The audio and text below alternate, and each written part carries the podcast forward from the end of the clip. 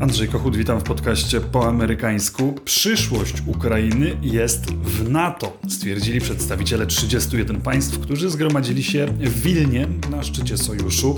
Nie dodali jednak, kiedy Kijów może się spodziewać zaproszenia do tego elitarnego grona.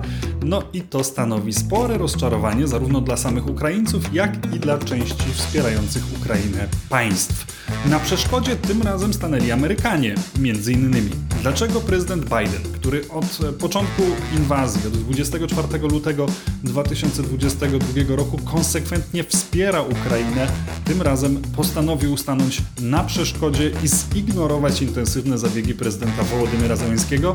Zapraszam na najnowszy odcinek. Ale na początek małe wyjaśnienie, które należy się chyba przede wszystkim tym, którzy śledzą podcast po amerykańsku już od jakiegoś czasu. Oni z pewnością zauważyli, zauważyliście, że zmieniło się logo po amerykańsku, zmieniła się cała oprawa graficzna. Doszedł oczywiście kanał YouTube'owy. Za te zmiany w oprawie graficznej przy tej okazji chciałem podziękować Herbertowi Mierzejewskiemu, który jest autorem tej nowej wersji graficznej po amerykańsku, ale myślę, że należy się wyjaśnienie, skąd ta zmiana się pojawiła, bo ta zmiana nie jest wyłącznie kosmetyczna, nie jest wyłącznie graficzna. Podcast po amerykańsku powstał e, jesienią 2020 roku i tak naprawdę wtedy miał jeden cel. Miał opowiedzieć o nadchodzących wyborach prezydenckich w Stanach Zjednoczonych, które zresztą okazały się wyjątkowo ciekawe. Każdy, kto śledził konfrontację Joe Bidena z Donaldem Trumpem, z pewnością to pamięta.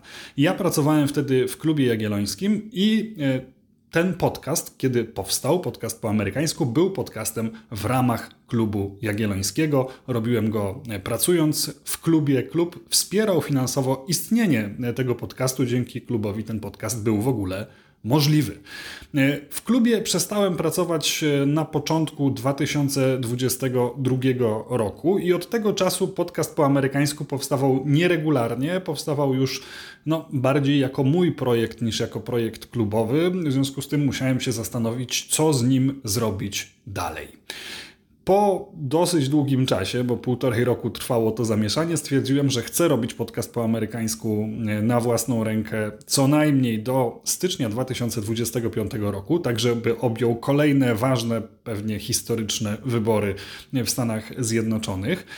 Ale ponieważ e, podcast nie jest już podcastem klubowym, jest podcastem moim prywatnym, e, to potrzebuję czegoś bardzo istotnego, a więc jakiegoś źródła finansowania, bo niestety podcast Natomiast e, jak każda inna działalność wymaga pewnych środków, żeby powstać.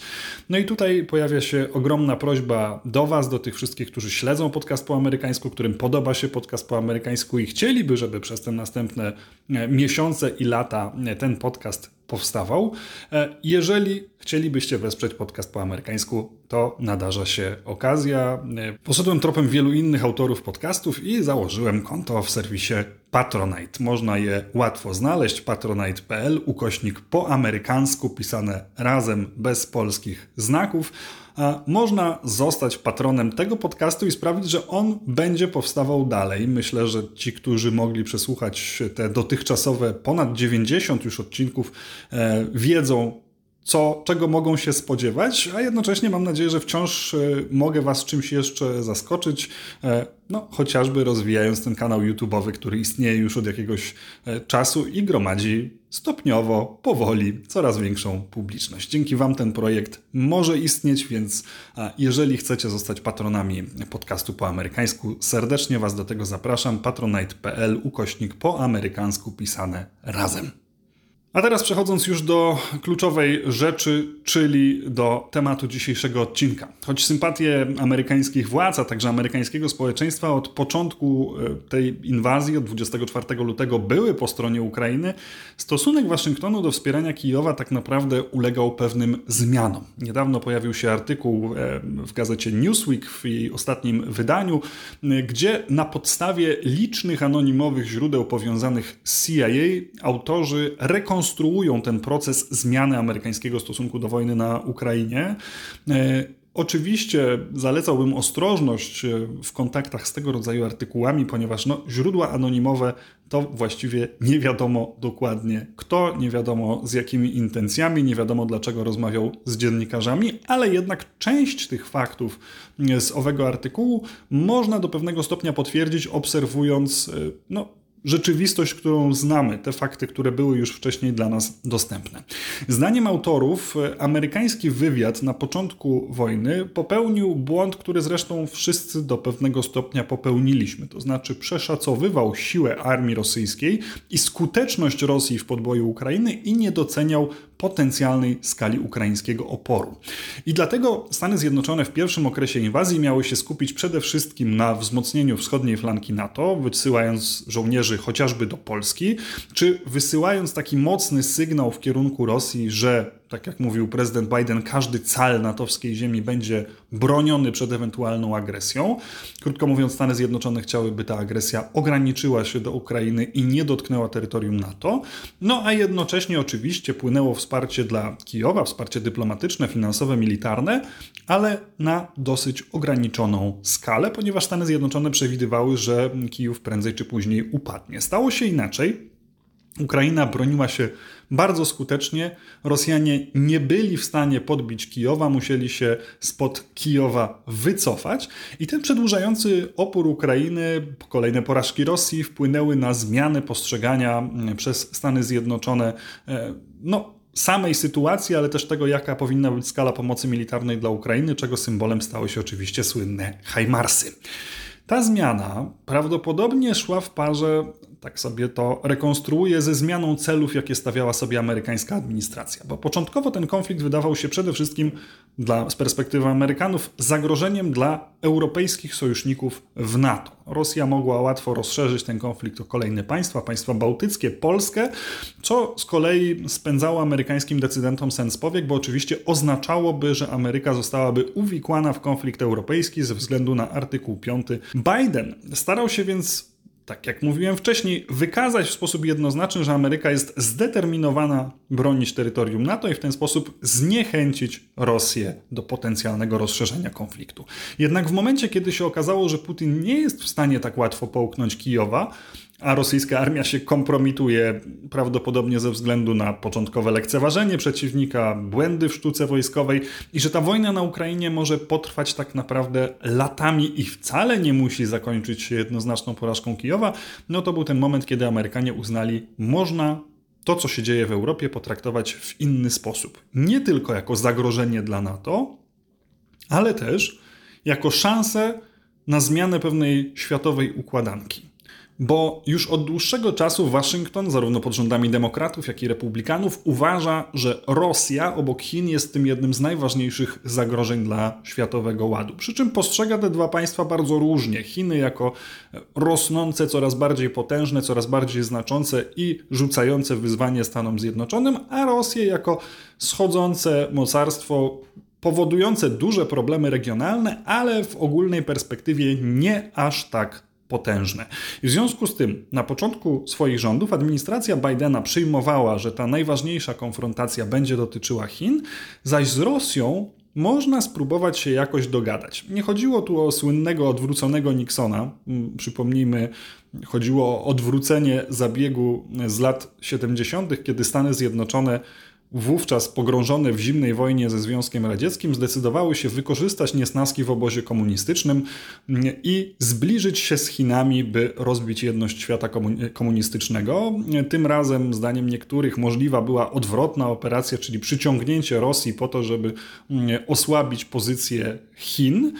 Aż tak daleko Amerykanie pod rządami Joe Bidena nie sięgali, ale uważali, że być może udałoby się przekonać Rosję do swoistego paktu o nieagresji. To znaczy, że Rosja trzymałaby się pewnych określonych granic, nie powodując dla Stanów Zjednoczonych dalszych kłopotów w Europie, a Stany mogłyby się skupić na problemach wewnętrznych, no i przede wszystkim na Chinach. I w tym celu chociażby Joe Biden spotykał się w Genewie z Władimirem Putinem. To oczywiście się nie udało, ponieważ Putin takiego dealu nie zaakceptował. A nie zaakceptował z bardzo prostego, fundamentalnego powodu, który zresztą bardzo dobrze nakreślił raport Ośrodka Studiów Wschodnich, raport mówiący o osi Pekin-Moskwa.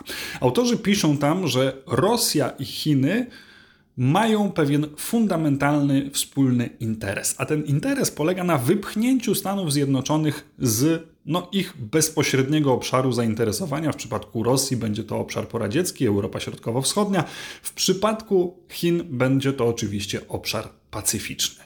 I ponieważ te państwa łączy ten fundamentalny interes, żadne z nich nie ma zamiaru współdziałać ze Stanami Zjednoczonymi, żeby osłabić to drugie, bo to jest wbrew temu konkretnemu interesowi, dlatego Putinowi wcale nie zależało na tym, żeby nagle Chiny były słabsze w konfrontacji z Waszyngtonem. I kiedy to stało się zupełnie jasne, Waszyngton stanął przed bardzo poważnym dylematem. Co w związku z tym zrobić z Rosją? I ten dylemat do pewnego stopnia rozwiązał sam Władimir Putin, e, dokonując inwazji na Ukrainę, a później grzęznąc na tej Ukrainie zupełnie w nieprzewidywalny sposób, no bo przypomnijmy, przed rozpoczęciem tej inwazji wszyscy szacowali, że czas jaki Rosja będzie potrzebowała na podbój Ukrainy, będzie tak naprawdę liczony w dniach, maksymalnie w tygodniach, ale już na pewno nie w miesiącach i latach. Kiedy okazało się, że Putin grzęźnie na Ukrainie, Amerykanie dostrzegli prawdopodobnie, znowu tak sobie to rekonstruuję, pewną dziejową szansę. Szansę polegającą na tym, że Chińczycy, Pekin nie są jeszcze przynajmniej ich własnym zdaniem, gotowi do konfrontacji ze Stanami Zjednoczonymi i starają się co najmniej odsunąć się w czasie. Tymczasem Rosjanie sami zdecydowali się zaangażować w pełnoskalową wojnę, która w dodatku im nie idzie. Mówiąc metaforycznie, Władimir Putin wdepnął na pozostawione w ogrodzie grabie, a teraz Stany Zjednoczone robią wszystko, żeby oberwał trzonkiem tych grabi prosto w nos. Dlaczego? Bo to daje im szansę na długofalowe osłabienie Rosji, zanim Chińczycy będą gotowi do konfrontacji, co z kolei powoduje, że gdy Chińczycy będą do tej konfrontacji gotowi, potencjalnie, Amerykanie nie będą musieli się martwić problemami na dwóch frontach, froncie pacyficznym i europejskim. W związku z tym osłabienie Rosji teraz jest bardzo korzystną możliwością. I tym oczywiście należy e, tłumaczyć to rosnące zaangażowanie Stanów Zjednoczonych po stronie Ukrainy, te kolejne milionowe i miliardowe pakiety wsparcia, kolejne typy uzbrojenia, które wciąż i wciąż trafiają na Ukrainę.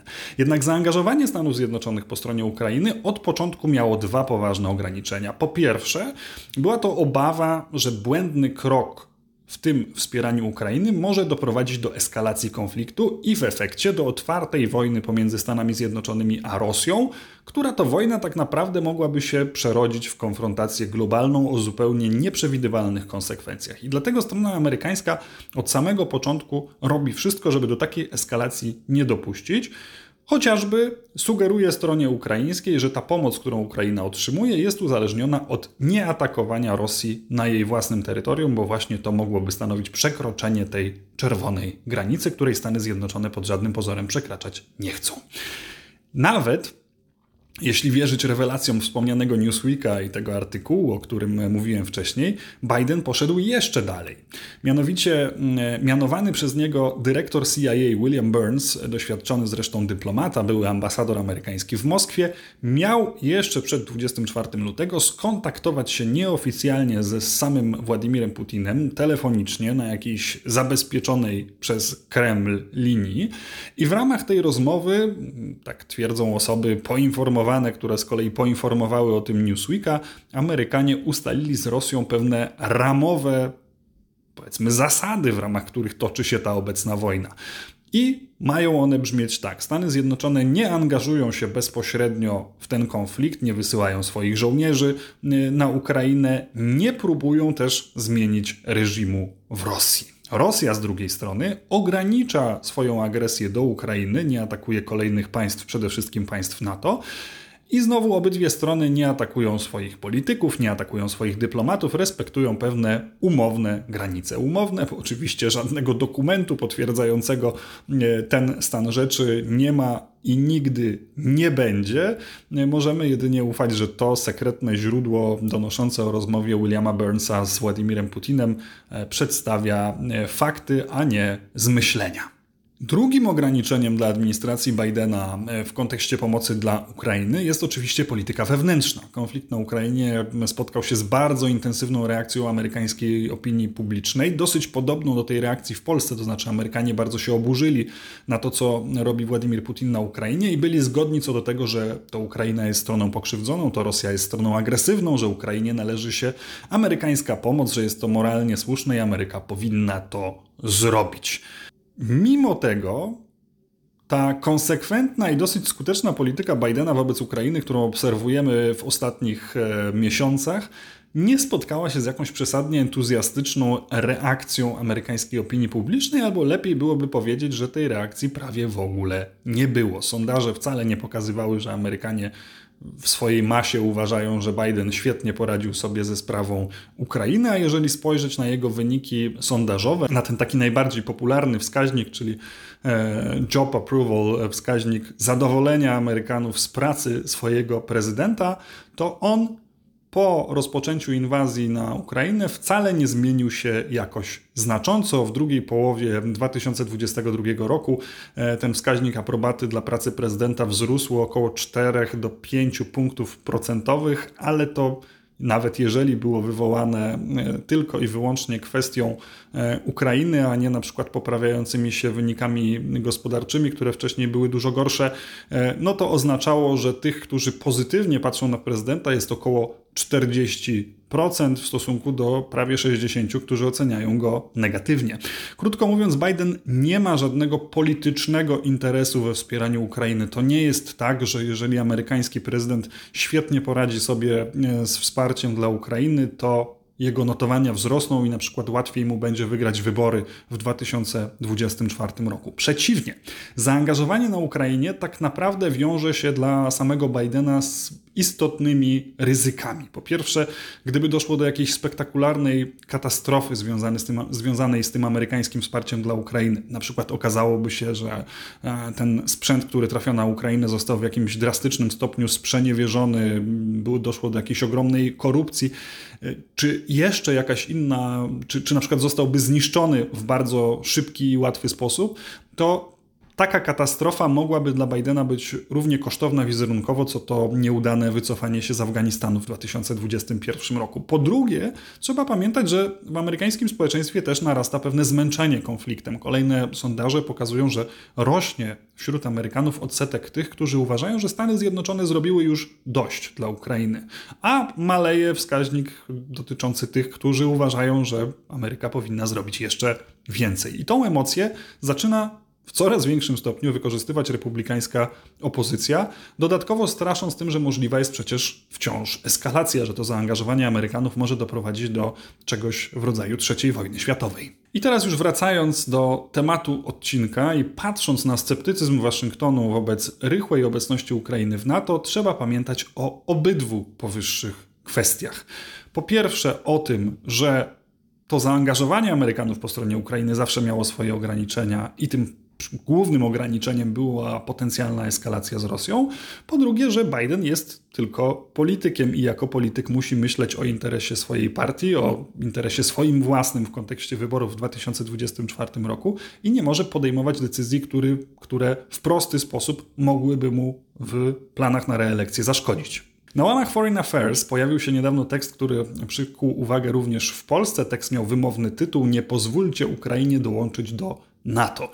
Oczywiście to jest tylko opinia ekspertów czy publicystów, którzy postanowili takim tekstem się posłużyć, ale mimo wszystko warto spojrzeć na zawarte tam tezy. Jednym z koronnych argumentów przeciwko uczestnictwu Kijowa w sojuszu było przekonanie autorów, że to oznaczałoby znaczące zwiększenie ryzyka konfliktu Stany Zjednoczone-Rosja. A więc znowu, według nich Ukraina nawet po zakończonej wojnie i po zawarciu jakiegoś rodzaju pokoju, co przecież oczywiście może przyjść za wiele lat, prawdopodobnie pozostanie w jakimś sporze terytorialnym z Rosją. Ten pokój, jakikolwiek by nie był, nie rozwiąże wszystkich wątpliwości co do tego, czyj powinien być Krym, czy i Donbas, Do kogo powinny należeć terytoria, które Rosja samozwańczo zaanektowała w zeszłym roku. I to może oznaczać w połączeniu z silnymi nacjonalizmami, emocjami, które będą buzowały po obydwu stronach jeszcze przez lata po zakończeniu tego konfliktu, że ten konflikt może mieć swoje kolejne odsłony. Tymczasem, gdyby Stany Zjednoczone przyjęły e, wraz z innymi członkami NATO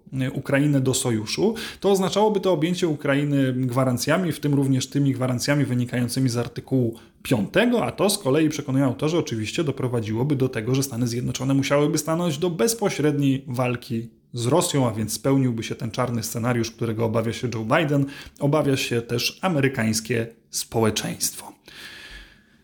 Zatem, przekonują autorzy, korzyści z przyjęcia Ukrainy byłyby stosunkowo niewielkie, a konsekwencje tak naprawdę spore. Autorzy przestrzegają też, że przyjęcie Ukrainy mogłoby oznaczać tak naprawdę osłabienie tych gwarancji natowskich dla państw, które już pozostają w ramach e, sojuszu, bo gdyby doszło do konfliktu Ukrainy z Rosją, kiedy już Ukraina byłaby częścią NATO, i wtedy część sojuszników uznałaby, że no, pomoc Ukrainie z takich czy innych względów powinna się ograniczyć na przykład do przekazania broni, ale nie do bezpośredniego militarnego zaangażowania swoich żołnierzy, to później łatwiej byłoby im dokonać podobnego rozróżnienia, podobnej decyzji w stosunku do ataku na innego członka NATO, na przykład na państwa bałtyckie czy na Polskę. Sam Biden użył zresztą nieco podobnie brzmiących argumentów. On miał taki głośny wywiad niedawno w CNN-u Farida Zakari i tam mówił, że w tej chwili przede wszystkim liczy się jedność NATO, o którą trzeba było mocno zabiegać w ciągu ostatniego roku, ponad roku tego toczącego się otwartego konfliktu na Ukrainie. E, I tą jedność mogłoby osłabić szybkie przyłączenie Ukrainy do NATO ze względu na to, że nie wszyscy sojusznicy się na to godzą. E, ale Biden mówił też, że przyłączenie Ukrainy oznaczałoby właśnie to, o czym mówiłem wcześniej, czyli objęcie jej gwarancjami natowskimi, co zwiększyłoby ryzyko wojny z Rosją. Na to Stany Zjednoczone nie mogą sobie pozwolić. W tym wywiadzie prezydent dodał też, że po zakończeniu konfliktu z Rosją Ukraina może liczyć na jakiegoś rodzaju bliską współpracę z NATO na zasadach podobnych e, do tego, na jakiej współpracuje obecnie Izrael e, z państwami NATO. Więc jeżeli jest jakaś przyszłość Ukrainy w NATO, to z perspektywy amerykańskiej jest to przyszłość raczej odległa. Niektórych może dezorientować to, że Biden, polityk, który tyle mówił o konieczności wspierania Ukrainy, który zresztą też tyle zrobił dla wsparcia Ukrainy, angażując swoją dyplomację, wspierając finansowo i militarnie wysiłek Ukrainy, ba, wspierając Ukrainę do tego stopnia, że była w stanie do tej, i jest w stanie do tej pory opierać się Rosji, co nie byłoby możliwe bez amerykańskiego wsparcia, że dziś ten sam Joe Biden jest przeszkodą dla dołączenia Ukrainy do NATO.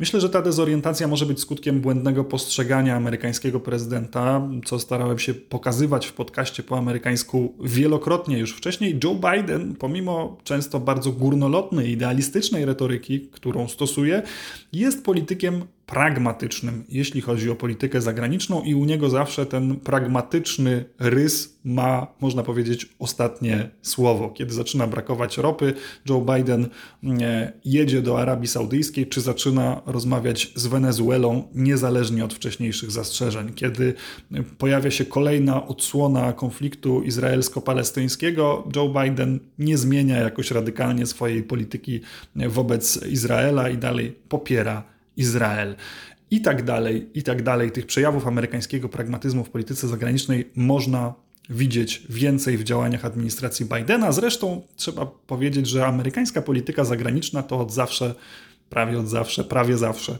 jest miks takich dwóch czynników, czyli pewnego głębokiego idealizmu, co do którego Amerykanie są przekonani. To nie jest tak, że jest to tylko i wyłącznie przykrycie dla, dla pewnego cynizmu. Rzeczywiście jest tam mocne przekonanie o pewnych wyższych wartościach i o tym, że Ameryka ma pewną misję do spełnienia. I z drugiej strony pewnego często dość brutalnego egzekwowania amerykańskiego interesu właściwego dla państw o tak dużym znaczeniu i tak dużej sile. I myślę, że trochę podobnie jest z polityką Bidena. On jest zupełnie szczerze przejęty losem Ukrainy, zupełnie szczerze chce wspierać walczących Ukraińców, ale jednocześnie trzeba sobie powiedzieć, że to wsparcie dla Ukrainy, jakie wysyłają Stany Zjednoczone, nie byłoby dziś tak duże, gdyby Biden i jego administracja nie byli przekonani, że są w ten, w, tym, w ten sposób w stanie spełnić ważny interes amerykańskiego państwa, interes polegający na długofalowym osłabieniu Rosji.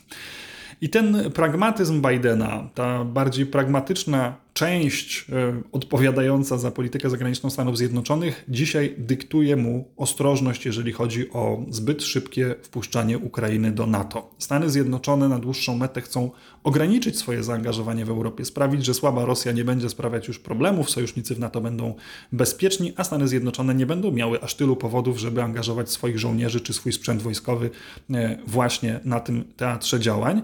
A wpuszczenie Ukrainy do NATO tak naprawdę mogłoby sprawić coś dokładnie odwrotnego, ponieważ Ukraina jeszcze przez lata będzie zagrożona kolejnymi odsłonami konfliktu z Rosją. Mogłoby to oznaczać, że Amerykanie jeszcze dłużej będą musieli się i w jeszcze znaczniejszym stopniu angażować w Europie, a tego nie tylko Joe Biden, ale podejrzewam i następne administracje raczej nie będą chciały. To wszystko na dziś. Bardzo dziękuję za obejrzenie tego odcinka. Mam nadzieję, że okazał się ciekawy, że coś Wam e, rozjaśnił, jeżeli chodzi o obraz Stanów Zjednoczonych. Ja jeszcze raz przypominam się z ogromną prośbą: podcast po amerykańsku może od tej pory istnieć tylko dzięki Wam i dzięki Waszemu wsparciu. Jeżeli chcecie wesprzeć powstawanie kolejnych odcinków, można zrobić to na patronite.pl ukośnik po amerykańsku pisane razem, a ja bardzo serdecznie do tego zachęcam i za każdą wpłatę będę bardzo wdzięczny. Andrzej Kochut, do usłyszenia.